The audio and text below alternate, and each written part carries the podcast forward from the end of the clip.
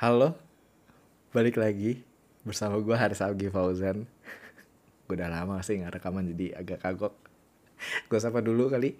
Um, selamat pagi, selamat siang, ataupun selamat malam bagi pendengar bicara biasa. Kali ini gue mau Fania. Um, apa ya? Ini episode nggak spesial-spesial amat sih, Van ya. Tapi uh, gimana ya? Lu sapa dulu dong. Gak sembari ngomong. Halo teman-teman, kembali lagi bersama Fania dan Haris di ngalor ngidul selanjutnya. iya iya iya betul betul betul. Sorry ya gue belum bisa kita berdua sih belum bisa bikin bahas bahasa karena mm, bahas bahasa tuh susah harus ada harus ada juntrungan bahasanya dulu dan arahnya mau ke mana itu tuh arahnya nih yang belum tahu jadi tapi ya hmm. udah sebagai gantinya kita ngalor ngidul aja dulu. Nah, tapi ini kayaknya ngalor ngidulnya eh, gue dari beberapa hari yang lalu ya. Pokoknya dari minggu kemarin pas kan ada hal menarik muncul dari Fania. uh, pas rekaman terakhir itu uh, Fania ngomong ke gue, eh Riz lu coba deh nonton Social Dilemma gitu. Emang terus gue nanya, ah, emang bagus ya gue kayak gue gue lihat sih tapi kayaknya gue tertarik nonton. Karena gue emang suka hmm, nonton dokumenter-dokumenter gitulah model-modelnya. Dan kebetulan di Netflix. Dan gue ada Netflix ya udah kayak kenapa nggak sekalian aja gitu loh. Ya udah tuh uh, udah nonton kan dan nonton. Terus gue I found um, well I found that it is something that I already knew but um, kayak at some point itu banyak yang udah ke sering diutarakan lah. Maksudnya di media-media yang kritis dalam tanda kutip gitu loh. Mengkritisi gimana uh, bagaimana model bisnis Mark Zuckerberg dan lain-lain itu bermain lah setelah adanya skandal uh, Cambridge Analytica tahun 2016 ya? Gue lupa deh 2016 hmm. apa kapan. Iya hmm, 2016 yeah. election kemarin Nah, itu kan uh, eh, gue jadi mikir dong, kira gue lebih cari lebih tahu dan oke, okay, sekarang gue udah tahu, tapi gue masih menggunakan platformnya gitu loh. Dan um, setelah gue nonton itu ya gue jadi makin tahu dan gue makin dapet insights dari para petinggi. Itu kayaknya bukan cuma petinggi deh, itu salah satu pelop banyak dari mereka itu pelopor awal dari ya. media tersebut kan. Mm -hmm. Yang dan, yang yang mencetus sistem-sistem sekarang. Ya Iya, iya, iya. Ya. Mereka salah satu yang kayak membangun sistemnya jadi sekarang ini. Mhm, bener, bener banget. Itu ada tim, ada uh, banyak dari mereka yang dari uh, platform-platform populer, so popular. Uh, dan mereka itu bagian dari the early team that conduct uh, building and research about the market habis itu jadinya mereka memasukkan feature. And salah satu dari mereka bahkan adalah salah satu tim monetization di Facebook. Itu menarik banget menurut gue kayak uh, Facebook awal-awal kan maksudnya ya internet it's free it's free for everyone to use gitu loh. Uh, tapi salah satu orang ini disuruh untuk gimana caranya itu ngasilin duit dari uh, platform sosial media akhirnya dia putar otak gimana caranya ya. Well di situ akhirnya dia jelasin gimana caranya gitu loh. Tapi gue saranin nonton sih ini menurut gue ya. Walaupun menurut gue uh, dokumenter secara dokumenter itu kayak kayak apa ya? Gue mau bilang pengakuan dosa tapi gimana ya? Tapi mirip pengakuan dosa sih jujur aja. Kayak mereka mengaku yeah, yeah, yeah. dosa-dosa lama dosa-dosa yeah, yeah. lama mereka gitu kan. Uh, Terus gue yang kayak, bahkan ah, mereka ya mereka sendiri yang bahkan mereka sendiri tuh tidak tidak bisa mengampuni mereka telah bikin kayak gini juga jatuhnya gitu loh. Iya iya iya. Akhirnya mereka karena um, karena mereka juga nggak tahu uh, mau jalan keluarnya gitu, dari mau gimana caranya. Mm-mm, karena mereka nggak tahu jalan keluar dari apa yang udah dibuat ini tuh gimana dan maksudnya impactnya kan besar terhadap semua orang dari tiap dari kalangan mm -hmm. sosial yang berbeda-beda juga dan mereka nggak tahu gimana apa apa solusi untuk kalangan-kalangan sosial ini untuk kayak uh, mm-hmm. apa sih memperbaiki lah ibaratnya gitu yang sudah mereka bikin. Eh, gimana? Ini kayak ibaratkan kalau diibaratkan gimana caranya kita mereverse efek dari climate change. Bener. Iya sih? Bener. Iya ya. Salah satu. Ya, ya, kita gitu. kita udah terlalu kita udah terlalu nyaman sama fossil fossil fuel sehingga kita tuh gak aduh susah banget buat kayak menahan diri gitu loh yang secara most of our product ya dihasilnya dari fossil fuel bahkan baju kita polyester Iya gak sih? Iya. Iya, iya. Itu polyester. untuk masalah lain lah. Itu untuk masalah lain. Tapi nah setelah kita nonton eh, setelah nonton ini terus gue bilang ke Fanny, Van gue udah nonton. Terus dia ngomong, oh iya Riz, gue eh, akhirnya setelah ngomong ini gue ngobrol kan sama teman-teman gue. Terus habis itu kita memutuskan untuk tidak memakai Instagram selama tiga hari. Terus gue kayak, Iya. wah, seorang Fania. Jadi, Dan jadi tolong jelaskan eh, kepada teman-teman kami. jadi teman-teman gue baru baru banget kayak em, jadi geng gue tuh punya geng, wih gila geng. Eh, Geng. Eh, jadi BTW, BTW ini mantan, ah bukan mantan, sorry, eh, teman-temannya Fania pas SMA. eh, dia itu, iya teman-teman ah enggak, gue bagi SMA. yang belum tahu Fania, ih, di SMA kayak gimana, Fania tuh geng populer. Dia yang ngomong sendiri, bukan gua. Dia ngomong sendiri, geng populer. Dia kayak ini, kayak mean girls-nya gitu deh. Aduh ke expose. Ntar kalau adik kelas gue nonton gimana ya? Kayak mati deh gue. Habis, Enggak, enggak. habis, Jadi habis. jadi Iya, kayak terus lanjut, ya oke. em, circle of friends gue. Jadi ngomong circle of friends ya, geng kayak terlalu kasar gitu. Circle of friends. Iya, Jadi iya, circle boleh, of friends gue Terus itu? bersepuluh, bersepuluh which is kayak beneran rame banget dan kayak kalau udah ada masalah tuh beneran yang kayak udah udah bisa tawuran gitu loh. Jadinya emang emang rame dan ya dikenal karena rame juga gitu. Dan cewek semua lagi bersepuluh bisa bayangin chaosnya gimana gitu kan. Nah jadinya Mhm, em, mhm. kemarin tuh teman-teman SMA gue bersepuluh ini mayoritas udah pada nonton Social Dilemma dan mereka itu kayak beneran tercengang gitu loh yang kayak wow ternyata tuh sistemnya begini ya begini ya begini ya Mhm, mhm, mhm. jujur mereka tuh pada banyak yang banget yang kaget karena kayak mereka nggak pernah sadar akan hal ini jujur gue sendiri tuh gue udah sadar Hmm. banget sama algoritmnya Instagram dan maksudnya gimana kayak gue sama gue sama teman gue biasanya ngobrol tentang em, tentang eh, apa ya jail bunuh kecoa itu yang kayak lagi banyak banget di YouTube terus tiba-tiba kita lagi ngobrol berdua aja nggak pernah ngobrolin apa-apa tapi kayak Mhm. it just listens. Terus tiba-tiba ada sponsored masuk. Ting, jualan ini gitu. Terus kayak Iya, kita udah iya, yang iya, iya, iya. Wih gila nih serem banget ini serem banget. Kita udah sadar banget. Terus akhirnya Aha. teman-teman gue baru nonton mereka tercengang mereka yang kayak gimana kalau kita em, nggak main Instagram tiga hari? Lihat deh pada pada tahan atau enggak ayo ya ayo ya. Akhirnya mulai dari malam itu semua pada oke okein gue tadinya nggak mau okein karena menurut gue kayak it's useless for me gitu.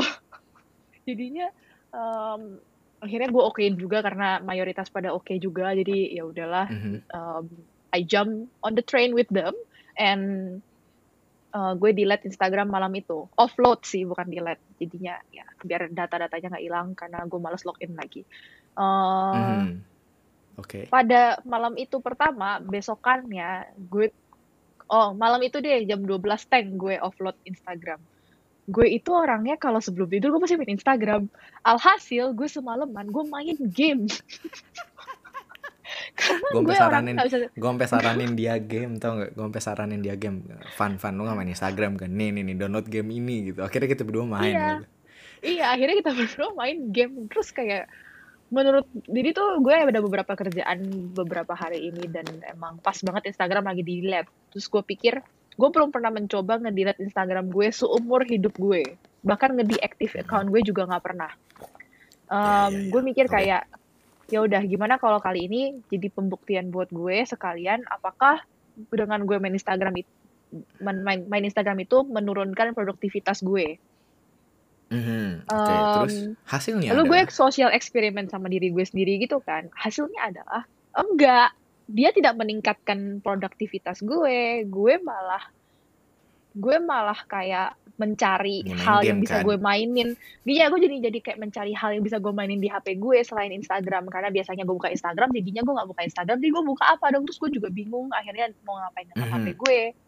Alhasil Mhm, gue mhm. mencari Iya, iya, iya. alternatif lain seperti Twitter, Snapchat gue bukain, Pinterest, Pinterest gue bukain, semua semua social media yang ada masih ada tuh gue bukain gue buka WA berkali-kali lihat ada yang udah balas atau belum gue buka buka lain ada yang udah balas atau belum.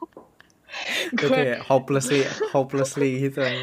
Ya ya ya ya terus ya, kayak gue main bisa, game satu-satu yang pernah gue itu jadinya kayak hmm, gue nggak merasa itu efektif buat gue gitu loh. Yang ada malah gue Iya. mencari mencari kesenangan tanda kutip kesenangan lain di tempat Iya, kesenangan di tempat lain gitu kega- eh, mencari ke, mencari sesuatu yang bisa mengisi kekosongan iya kan? iya Kayak iya akhirnya akhirnya lu mencari pengganti gitu loh Mm-mm. ya ya, ya Kalau ya, mau dibilang gue addicted sama Instagram, sebenarnya enggak. Menurut gue, gue masih di batas wajar karena gue masih mengerjakan tugas-tugas gue dengan baik dan benar dan mendapatkan nilai yang baik juga. Jadi kayak, ya, walaupun maklum gue mahasiswa maklum walaupun- ya ya ya walaupun gue full all nighter, tapi uh, menurut gue Instagram tuh jadi kayak tempat pelarian gue untuk membuang stres Iya, gue melepaskan di pekerjaan. stres iya Mm-mm, bisa melepaskan jadi, stres bisa, gue. bisa. Walaupun kadang main Instagram memang bablas waktunya ya. Kayak tadinya mikir ah 20 menit buka Instagram terus tiba-tiba satu jam gitu. Enggak enggak enggak enggak salah sih itu saya juga begitu. Cuman at least ya gue nggak kebingungan sendiri linglung gue itu beneran tiga hari terlinglung gue Riz.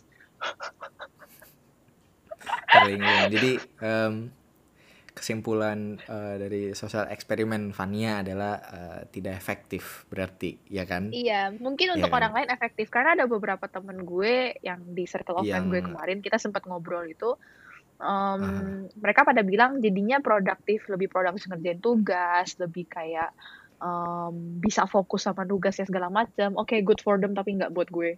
Gila. Sampai Iya, mereka ngajakin mungkin. lagi, gimana kalau bulan depan kita lima hari? Terus gue kayak, gue skip, please. lu menyerah lu menyerah sebelum berperang loh tapi Nggak apa-apa.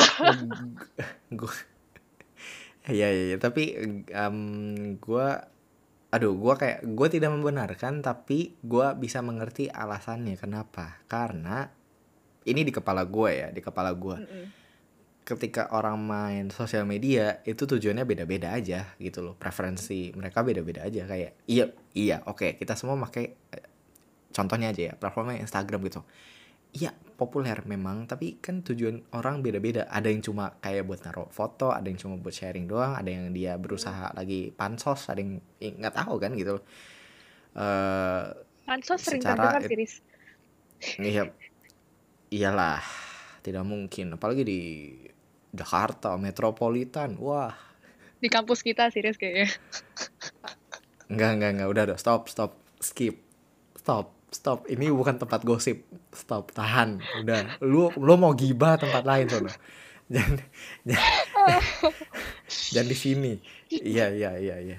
Terus, terus, terus. Iya. Gue bi, oke, gue bisa mengerti em, alasannya kenapa. Em, yang itu tadi alasannya karena eh, sosial media dipakai nggak cuma buat satu do satu alasan doang tapi beri mungkin ratusan atau ratusan kalau nggak ribuan alasan gitu loh yang tiap orang mungkin eh, spesifikasi mereka keseharian mereka beda gitu loh. Jadinya mungkin buat lu gak bekerja tapi buat teman lu lain teman lu yang lain itu untuk beberapa teman lu yang lain yang ada di circle lu itu um, works somehow gitu loh. Mereka jadi lebih produktif. Ya mereka mungkin karena di sosial media media mereka ya udah karena either itu cuma buat entertainment nggak ada nggak ada hasilnya. Sedangkan lu em, beberapa pekerjaan lu berkutat di sosial media yang which is salah satunya adalah Instagram ya kan Iya, Lu tadi iya, bilang iya.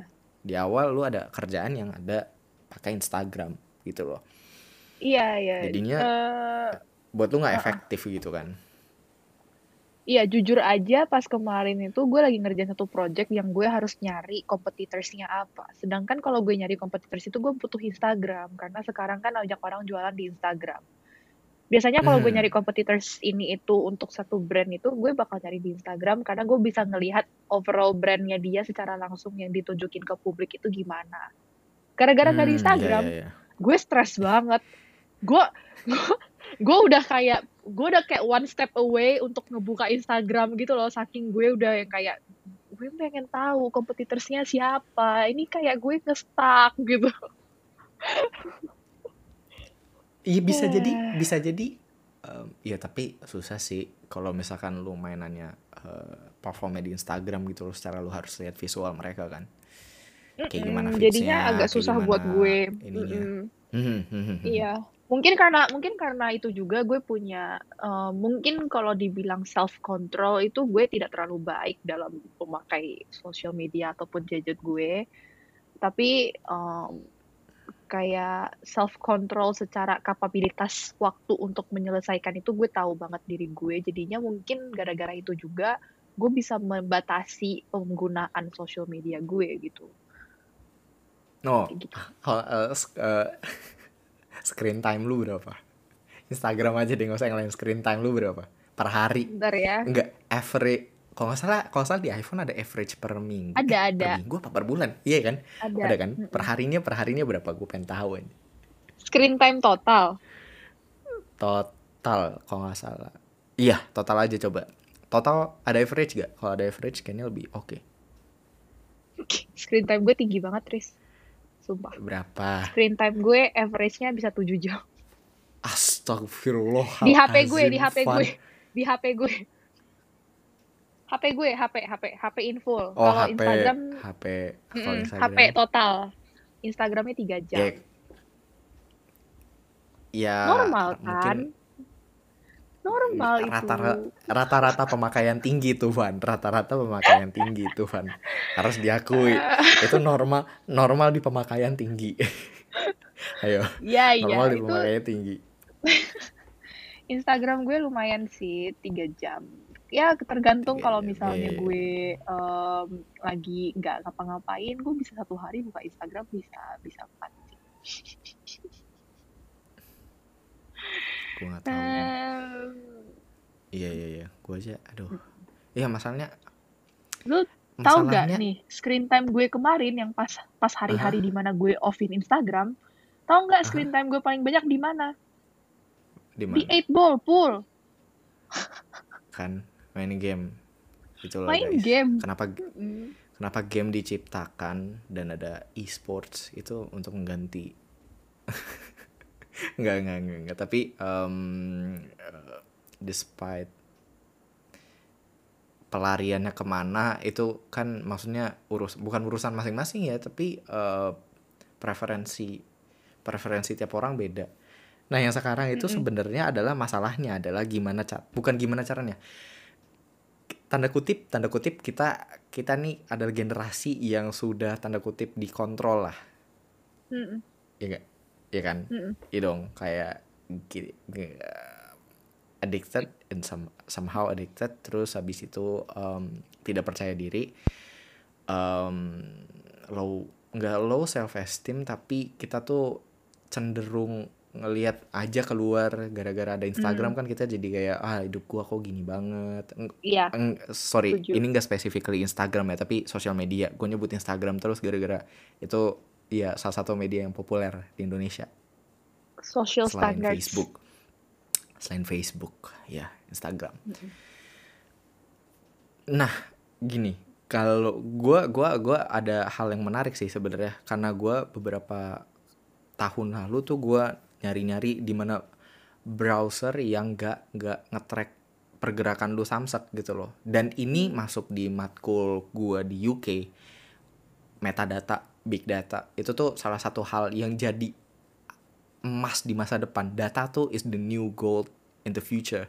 Karena gini aja deh gimana caranya bank lain tahu ketika lu nggak pernah ngasih nomor ke bank lain itu dan lu ditelepon sama bank itu gimana caranya coba? Misalkan lu ditelepon sama telemarketer gitu. Oh halo kita dari bank A gitu loh. Kita em, eh, mau ingin menawarkan tabungan atau deposito atau kartu kredit ya apalah itu loh. Itu mereka gimana caranya? Tahu ya karena data kita ya di share atau enggak tanda kutip ini ilegal ya. Di Indonesia ini di, ini ilegal dijual gitu loh. Dan kita tuh belum ada aturan ajak untuk mengontrol penggunaan data privasi bagi para pelanggan satu dan kit- ini setahu gue ini setahu gue ya. Kita masih abu-abu di daerah itu dan kita tuh belum secara secara sadar kalau misalkan itu tuh hal yang penting sampai itu tuh mengusik kehidupan. Sampai lu tuh digangguin gara-gara hal privasi lu di di di di di dijual gitu loh.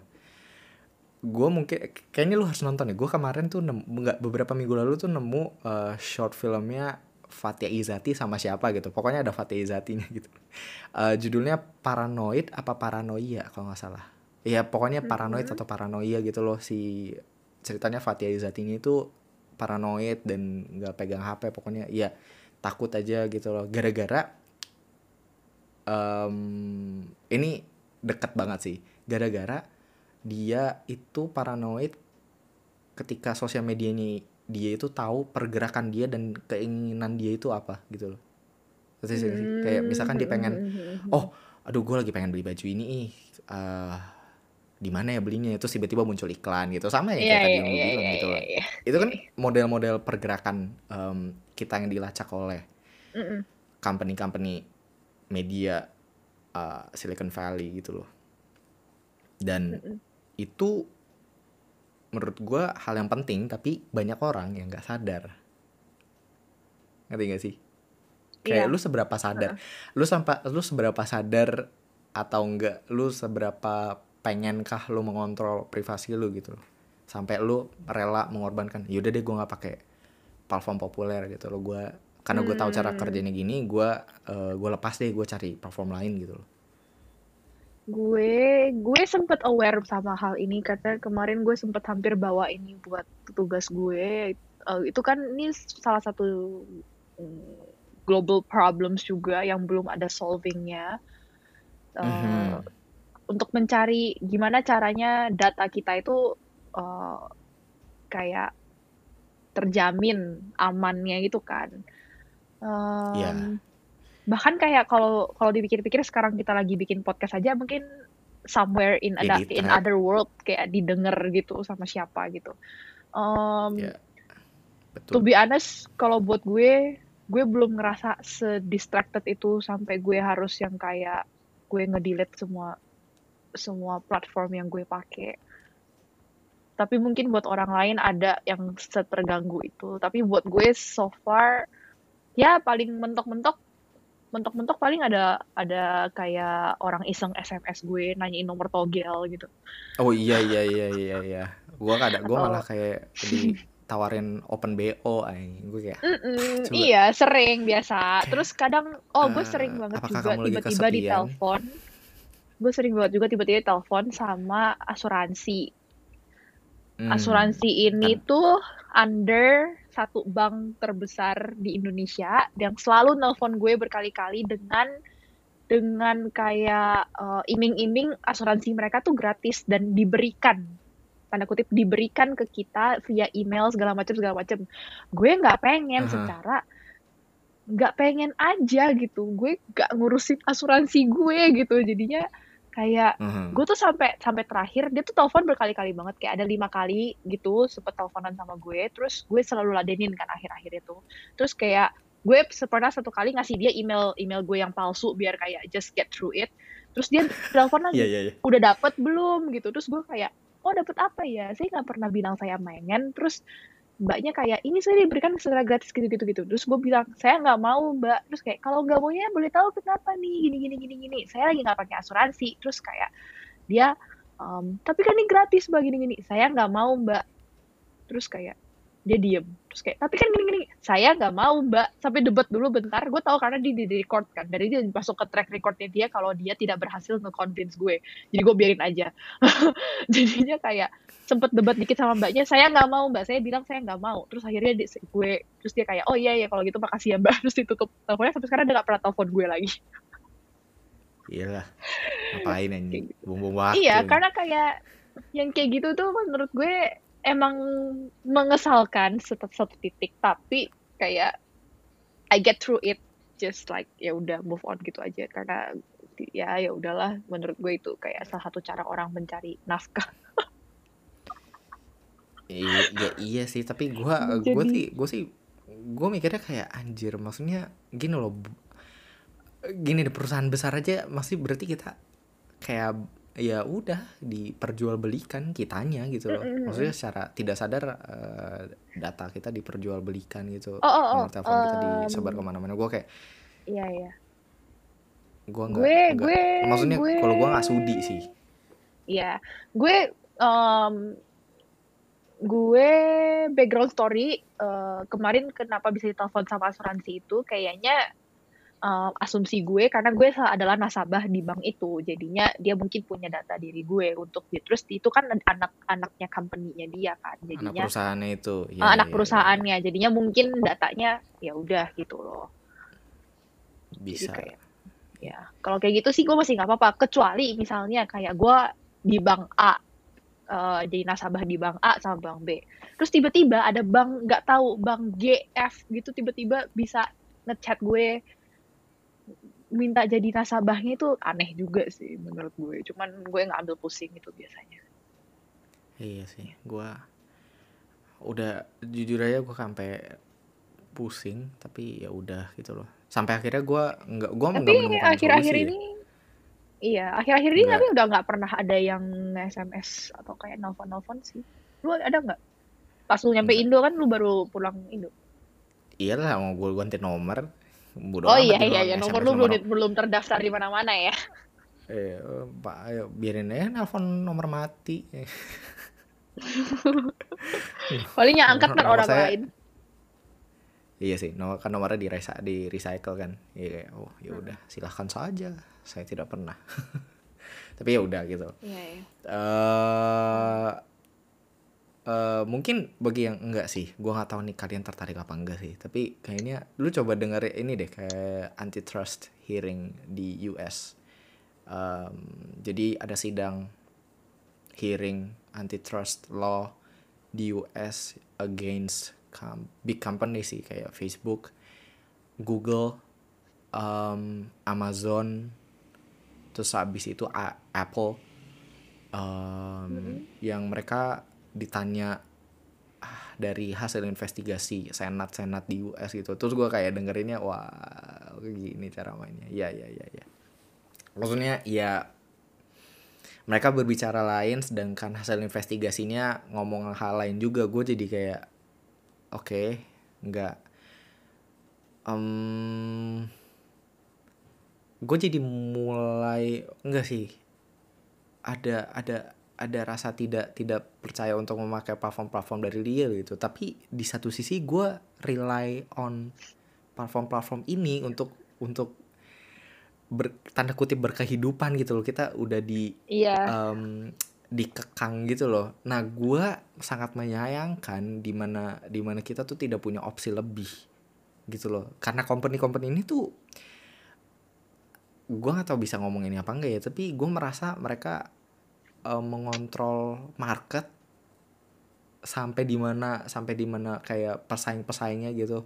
Browser-browser misalkan eh, misalkan kayak browser Google paling populer kan tapi kayak browser-browser lain tuh yang nggak kayak nggak dilirik Mm-mm. karena mungkin feature Google lebih convenient lebih lebih bagus iya. Tapi gua nggak paling nggak suka di diintilin ke mana-mana sama iklan. Itu tuh gua nggak butuh gitu loh gue pengen nyari sesuatu sekarang ya karena kepo aja gitu loh. Iya bukan karena tapi pengen diintilin iklan. eh aneh nggak sih sekarang tuh jadinya udah udah ya kita masuk ke area kapitalismenya mereka gitu loh. Ya iyalah maksudnya kita mungkin hampir kita, kita semua dibikin hampir semua sosial media sekarang owned by Facebook dan maksudnya kayak ya if that is not iya. capitalism I don't know what is. Mm, kayak monopoli monopoli pasar ya bisa iya tuh monopoli bisa disebut. pasar. Mm-mm. ya monopoli pasar. Gue ini jujur aja gue sampai ya gue pakai aplikasi Google untuk beberapa hal penting ya including emails um, maps. Karena secara belum menurut gue belum ada yang sebagus Google untuk masalah email untuk memenuhi kebutuhan gue tapi untuk kalau browser gue sekarang nggak pakai Google. Mostly gue pakai salah satu yang enggak uh, private gue bisa bilang. Mungkin lu tertarik pakai tapi eh, nggak sebagus Google sih secara feature. Tapi dia nggak nge-track apa pun. Dia menganggap data-data data-data user itu dianggap toxic waste yang harus segera dihancurkan gitu loh. Gue pakai DuckDuckGo mungkin ini mungkin ini di kalangan tertentu populer gara-gara nggak kehalang oleh security em, tertentu tapi eh, dan dia nggak pakai cookies gitu loh kalau cookies kan di Hmm. Google kan sering banget kan Mhm. dia nge-track buat iklan biar bisa tahu pergerakan lu ngecari apa aja di website atau nggak di eh, browser itu lu nyari apa aja tahu gitu loh. Eh, si advertiser advertisernya. Nah gua nggak mau kan. Akhirnya gue pakai eh, extension DuckDuckGo di eh, laptop gue dan gue pakai DuckDuckGo di DuckDuckGo di HP gue. Jadi mostly gue browsing lewat situ biar simply gue nggak mau di track aja gitu loh. It's not convenient karena karena data lu tuh nggak disimpan. Jadi setiap kali lu keluar dari browsernya semua data lu hilang dan lu harus ngulang dari awal lagi. Literally kayak kalau misalkan di Google kan kalau misalkan lu pakai eh, buat Instagram lu lu masukin data dia bisa nge-remember dan setiap kali lu login lu nggak harus eh inget-inget lagi. Lu conveniently tinggal pencet oh iya nih gue mau login langsung terus habis itu tinggal ya udah gitu. Tapi di browser eh, DuckDuckGo ini yang gue pakai sekarang itu ya udah gue tiap kali gue masuk ya gue inconveniently harus ngulang lagi ngisi lagi datanya dari awal. Tapi for the sake gue nggak di track sama cookie sama advertiser ya gue nggak apa-apa sih. Gue gue gue salah satu gue. orang yang males. Gue salah satu orang yang males sih untuk ketik ulang. Jadi jadi gue sangat Ya. sangat merasa Gua- terbantu dengan remember itu Iya, gue mengerti, gue mengerti di mana posisi orang-orang malas seperti Vania ini gitu loh. Kayak gue pernah ada saatnya, tapi gue gue males banget enggak sih gue. Entah kenapa gue nggak rela gitu loh prinsip gue karena enggak sih. Aduh, gue nggak rela aja ya data-data gue disimpan gitu. Maksudnya ya privasi gitu loh. Oke, gue menggunakan aplikasi itu, tapi ya lu nggak usah ngikut, nggak usah ngintilin gue ke mana-mana gitu loh nggak usah dibombardir sama iklan gitu. Gue gue nggak butuh. Akhirnya gue karena gue risih gue terkadang- ganti gitu loh. terkadang terkadang tiba-tiba iklan-iklan yang muncul itu sangat membantu gue loh. Iya untuk membantu gue beberapa dalam artian- waktu. Iya. Iya, beberapa waktu misalnya gue lagi butuh nyari ini, tapi gue kayak selalu lupa gue butuh nyari itu. Terus tiba-tiba iklannya muncul, oh iya gue mau beli ini. Akhirnya gue akhirnya langsung beli. iya iya. Itu itu justru itu tujuannya di mana lu di push untuk beli Iya, tapi karena sebenarnya harusnya gue beli tapi nggak beli-beli gitu. Cuma tiba-tiba diingetin Oh, sama ads ya itu- terus gitu. Nah, at, at that kind of Itu- point gue gue kayak merasa ad itu lumayan berguna untuk Membantu. gue, tapi kadang enggak juga enggak. Kalau lu lihat lo perhatiin sekarang setelah main so- setelah nonton Social Dilemma dan nonton dan main Instagram lagi, gue sekarang jadi memperhatikan tiap dua atau tiga story yang kita buka pasti ada diselipin itu sponsor. ada iklannya. Iya pasti ada iklannya. Dulu tiap enggak, kali lu nge-scroll. dua tahun. Dulu nggak pernah. Mm-mm. jangankan dua Dua- tahun dua tahun. kayaknya lalu. satu tahun setahun yang lalu masih dikit. Gue nggak tahu sih setahun yang lalu. Karena setahun yang lalu gue nggak terlalu pakai Instagram. Gue cuma kayak nge-post Setahun- foto habis itu ya udah gitu. Tahun yang lalu masih dikit banget Instagram punya sponsored kayak pasti lebih dari lima story baru tiba-tiba ada sponsored. Kalau sekarang kayak sering banget terus iya itu dia gue paling gak suka. Instagram itu algoritma Instagram itu sekarang berubah lagi. Jadi kayak sekarang kalau lu mau mau keep your um, konten dilihat sama orang masuk explore gitu-gitu dia harus punya banyak banget engagement nggak cuman like sama nggak cuman like doang tapi harus di komen juga. Jadi harus Mhm. equally equally banyak biar lu bisa masuk ke explore dan di di bisa lihat nge-impress sama more orang uh, bisa bisa nge-impress more people. Menurut gue itu kayak sebuah Enggak downside banget buat influencer apalagi kayak yang content creator gitu-gitu loh. Yang buat mereka-mereka yang Iya, iya, iya, iya. pekerjaannya dependable sama algoritma ini. Da, iya sama algoritma kayak gitu tapi masalahnya itu juga kayak menurut gua salah mungkin salah satu faktor di mana Indonesia bukan Indonesia aja sih tapi uh, di mana negara yang menggunakan platform-platform populer itu mengandalkan keviralan gitu loh. Hmm. sampai mereka rela melakukan hal-hal eh, ini nggak semua ya disclaimer ini nggak semua tapi ah, menurut gue bodoh aja gitu loh. Kayak gue pernah lihat di TikTok gue lupa. Aduh ini ada beritanya dulu pas awal-awal. Jadi dia mm, aduh ini aduh ini straight bodoh sih tapi dia ngejilat dudukan toilet da buat challenge coronavirus gitu corona challenge gitu. Lu ngejilat dudukan toilet ngapain gitu kayak geli banget. kayak ya model-model kayak gitu lah sampai sampai mereka harus nge kan kalau act-act yang di luar tanda kutip kenormalan kan memunculkan reaksi berlebihan dari orang-orang yang menganggap itu tidak normal kan ngejilat dudukan toilet kan itu hal yang tidak normal. Bahkan buat gue gitu loh. Dan itu tuh Bahkan pasti buat hampir me- semua orang deh. iya kan? Siapa yang ngejilat dudukan toilet gitu loh buat buat buat kena corona? Ngapain gitu loh kayak? Ya akhirnya dia banyak banyak engagement yang tadi lu sebutkan. Nggak cuma likes Mm-mm. tapi juga komen gitu loh. Despite komennya baik atau buruk positif atau atau negatif itu urusan lain gitu. Yang penting engagementnya tinggi. Yang penting iya iya masalahnya makanya. Nah makanya model-model konten kayak gitu kan gue nggak aduh gimana ya gue tahu dia memasukkan pemikiran dalam konten seperti itu tapi gue menurut gue itu tidak berkualitas sama sekali gitu tidak tidak tidak tidak ada quality-nya gitu Iya. makanya konten-konten seperti itu yang cukup viral aja yang bisa menggugah selera menggugah orang untuk bereaksi jadi populer jadi paling atas di sedangkan ada banyak em, kreator lah bisa dibilangnya. Kreator di. Instagram ataupun di YouTube gitu loh yang yang gue tahu dia gue tahu gue pernah nonton ada satu video bagus yang gue tahu dia naruh ri- mungkin latihan berapa ratus atau ribuan jam bahkan untuk sampai ke titik itu tapi engagementnya nggak banyak cuma ya udah gitu-gitu aja gitu loh sampai akhirnya nggak nggak nggak nggak nggak ke notice banyak orang gitu loh. Ya Iya itu juga sih yang gimana agak gitu disayangkan sekarang-sekarang ini. Jadi ya quantity over quality lah ya jatuhnya.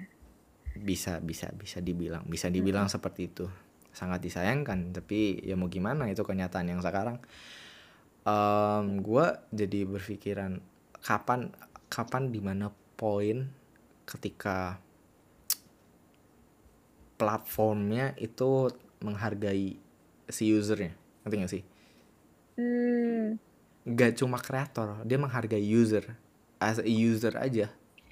Gue gue lumayan kangen sama sama Instagram yang feednya masih chronological order sih.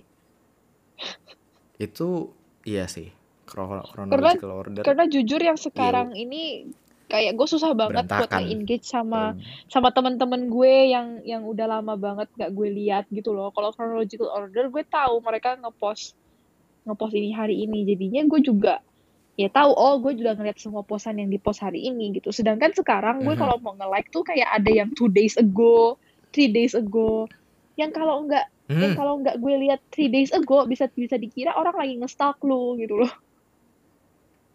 mhm. tapi ya, ya itu Iya. opini kayak gitu ya harusnya tidak berlaku lah karena algoritmanya kayak gini gitu loh mau Iya gimana kan kan, jadinya kayak kayak aduh, kenapa sih harus algoritmnya di kayak giniin? Karena menurut gue ya merugikan user sih sebenarnya dan creator. Mhm.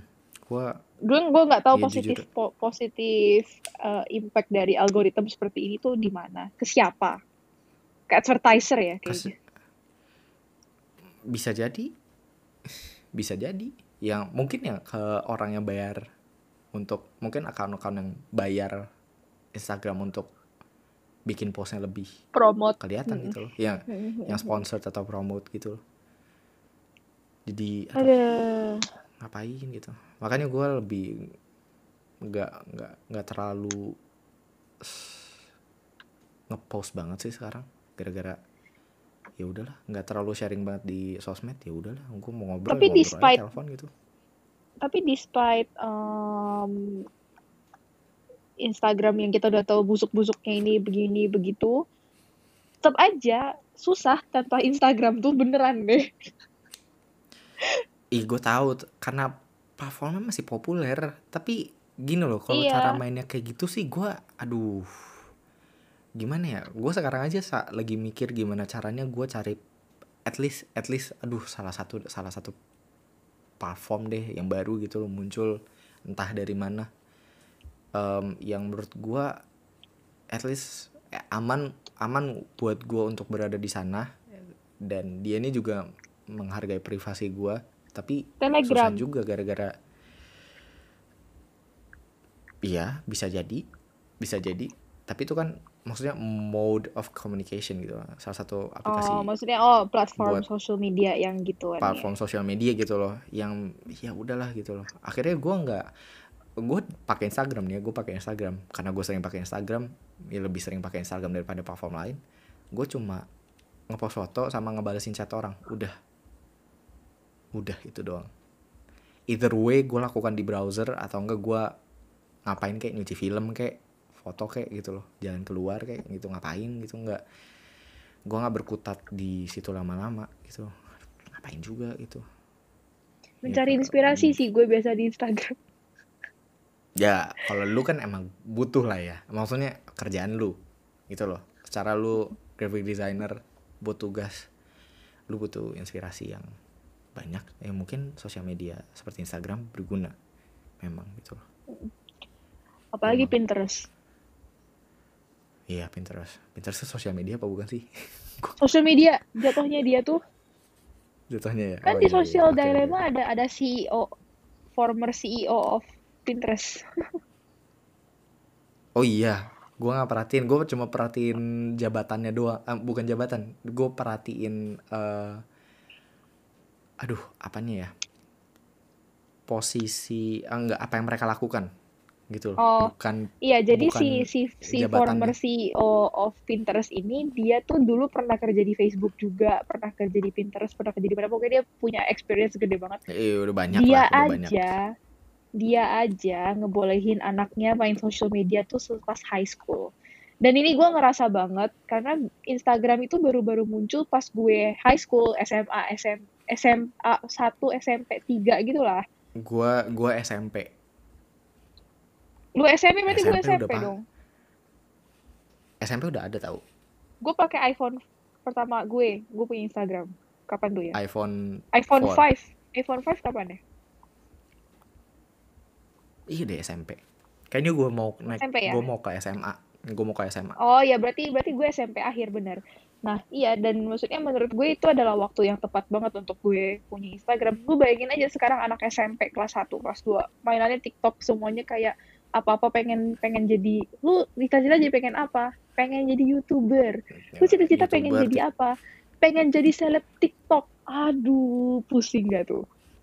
Terus kayak Iya, sisanya gimana semuanya yang, iya jadinya itu terus gitu loh Iya, makanya gue merasa beruntung gue hidup di zaman di mana Instagram baru ada pas gue SMA. Jadi kayak mau naik SMA, SMP, SMA gitu. Jadinya social Mhm. standarnya ke ke gue pun tidak terpengaruh segimanapun itu karena terus kita tahu kita SMP itu burik banget gitu.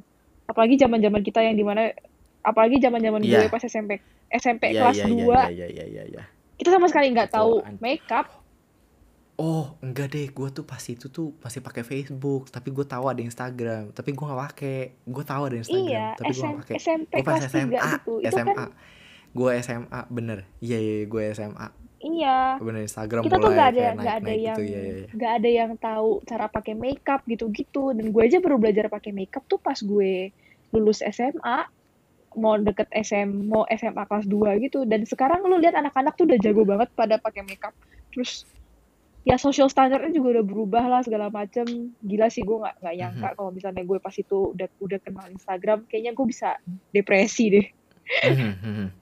Tapi enggak sih ya despite gue nggak tahu ini hal buruk atau hal baik ya yang kita sebutkan tadi. Gue sih merasanya, gue sih merasanya tadi ya gue karena ini curhat aja gue merasa terganggu sama hal yang yang kita sebutkan tadi gitu yang kita jelaskan tadi gitu karena em, mungkin ini bertentangan sama apa yang gue percaya sama apa yang gue value jadinya gue merasa terganggu tapi di satu sisi juga ya mereka juga mem- membuka pintu baru aja yang menurut Iya, gua iya, iya. menemuka mem- membuka jalan hal-hal bagus gitu loh kalau nggak ada kalau nggak ada platform-platform ini ya nggak ada pekerjaan baru seperti tanda kutip influencer atau Iya iya iya benar benar benar kita Benar tahu banget. sekarang Despite gitu loh. Despite mereka punya em, kayak mereka membuka lapangan pekerjaan baru, eh, tapi at the same time ya mungkin eh, impact-nya tidak terpikirkan sematang itu. Jadinya Mhm. banyak impact yang mereka tidak sadar ternyata ber berkelanjutan di anak-anak muda gitu loh yang yang Iya, iya, apalagi iya, iya. kalau misalnya anak-anak muda ini udah udah menjadi orang yang terkenal banget mereka jadinya kayak secara self developmentnya belum mateng terus jadinya kayak ya false ya ad- itu false advertisement gitu loh Riz jatuhnya banyak banyak terjadi ya iya banyak terjadi Ah. kan kayak kayak eh, minimalnya self development yang membuat mereka tidak stabil dan dan ketidakstabilan mereka itu ditunjukkan kepada anak-anak muda yang tidak stabil juga wah chaos Mhm. sekarang deh jadinya kayak gitu kan jadinya ya Iya, iya, iya. gimana ya Hmm. Harus Eh, pintar iya memilah sih. memilah juga sih. Bener itu harus pintar menggunakan sebagai user juga nggak cuma pemakai nggak cuma em, pengguna doang tapi ya lu belajar pinter untuk bisa tahu ini tuh yang baik atau enggak bukan baik atau enggak ya. Yang sesuai pada konteksnya pada saatnya ya itulah yang apalagi apalagi berita-berita yang disebarkan di Hoax, Insta- hoax. di social media hoax dan segala macam lu punya power en lu punya lu punya search engine yang kayak banyak banget dan maksudnya search engine itu punya gudang library yang segila-gilanya dan maksudnya eh, sebelum dapetin sebelum lu percaya sama satu atau dua kalimat yang Mhm. ditulis di satu post itu kenapa nggak lu search dulu kebenarannya? Gitu loh. Jadinya lu juga nggak bego-bego amat gitu jatuhnya ya nggak- bukan masalah bukan masalah itu sih. Ya itu gue mikirnya gini itu extra mile nggak sih?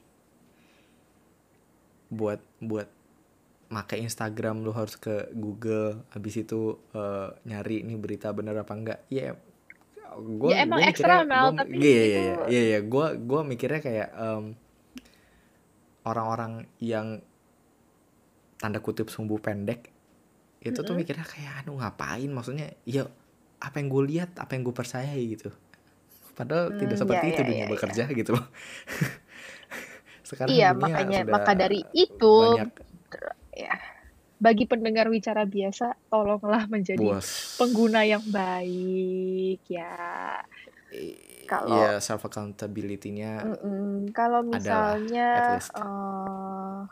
Eh, heeh, kalau misalnya kayak kalian itu disuguhi sama berita-berita yang mem- yang kayak mungkin secara diam-diam adalah sebuah propaganda dan provokasi. Dicarilah dulu kebenarannya ya banyak demi banyak terjadi kesenangan bersama apalagi kita nggak tahu bisa tiba-tiba civil war di tengah-tengah ini karena kayak perbedaan itu di social media. Karena kayak apa ya? Lu tadi Udah. ngomong lu coba civil war civil war. Civil aduh civil war. Civil war. Bisa aja civil war tiba-tiba. Civil war. Si civil war. Aduh sorry aksen gue masih aksen gue masih British jadi jadi jadi Civil lucu war. aja civil war civil war. Civil war. War. Civil war. Eh, udah maaf ya udah kecampur. Singlish. Entah kenapa itu lucu banget buat gue jadi aneh aja di kuping. Tapi iya. Ya eh, aduh konten gue lupa deh. Ini ada konten creator WTF Indonesia dulu. Udah pernah udah ngomong udah ngomong ini berkali-kali deh kayak ya lu jadi pengguna ya pin yang pinter aja gitu loh lu lu tuh udah tahu dibodoh-bodohin tapi kalau misalkan lu masih ngejalanin ya berarti lu nggak bisa nyalahin platformnya dong karena Mm-mm. lu yang udah ngejalanin gitu loh kan tapi lu udah tahu kan kalau udah tahu konsekuensinya ya udah berarti harusnya lu sadar lu yang bodoh lu yang harus Iya, ya benar um, benar. meningkatkan literasi digital sekarang mungkin ini belum pada aware um, gue juga masih belajar tentunya Uh, gimana caranya meningkatkan literasi digital? Ya literasi ditingkatkan dan juga tahu pengguna uh, tahu penggunaan platform digital yang baik dan benar aja gitu loh. Literasi digital tuh menurut gue penting sama pentingnya sama kayak baca untuk ngisi kepala dan nggak dibodoh-bodohin sama orang.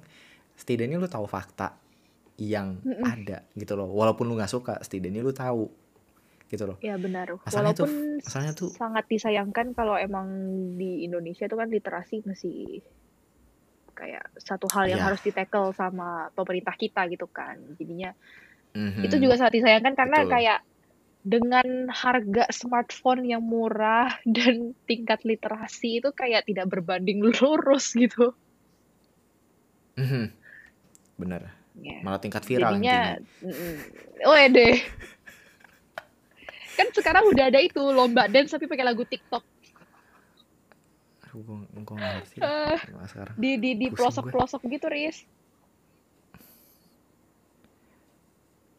Ya mungkin daerah itu emang platform populernya ya itu gitu ya sih kayak jadinya mau gimana Aduh. kan Ya. ini masalah kalau misalkan udah ngomongin di daerah itu kayak gimana konsumsi digital itu beda cerita sih menurut gua karena itu tuh masalah yang lebih kompleks lagi itu kan masalah sosial Mm-mm. juga Mm-mm, jatuhnya kan. Ya kayak Bener. susah juga. Itu mungkin lain waktu sama tamu yang lebih em, proper untuk nggak mempermasalahkan atau nggak membicarakan masalah kesenjangan sosial. Kita tidak punya ranah di kesenjangan sosial karena kita berdua ini cuma manusia biasa ya Betul. gitu loh. Betul gitu loh. Udahlah ya Van. Udah kita udahlah bicara Udah, kali udah. ini Udah cukup panjang. Kayaknya nggak Ini ada deh yang sangat- nyampe ujung sini.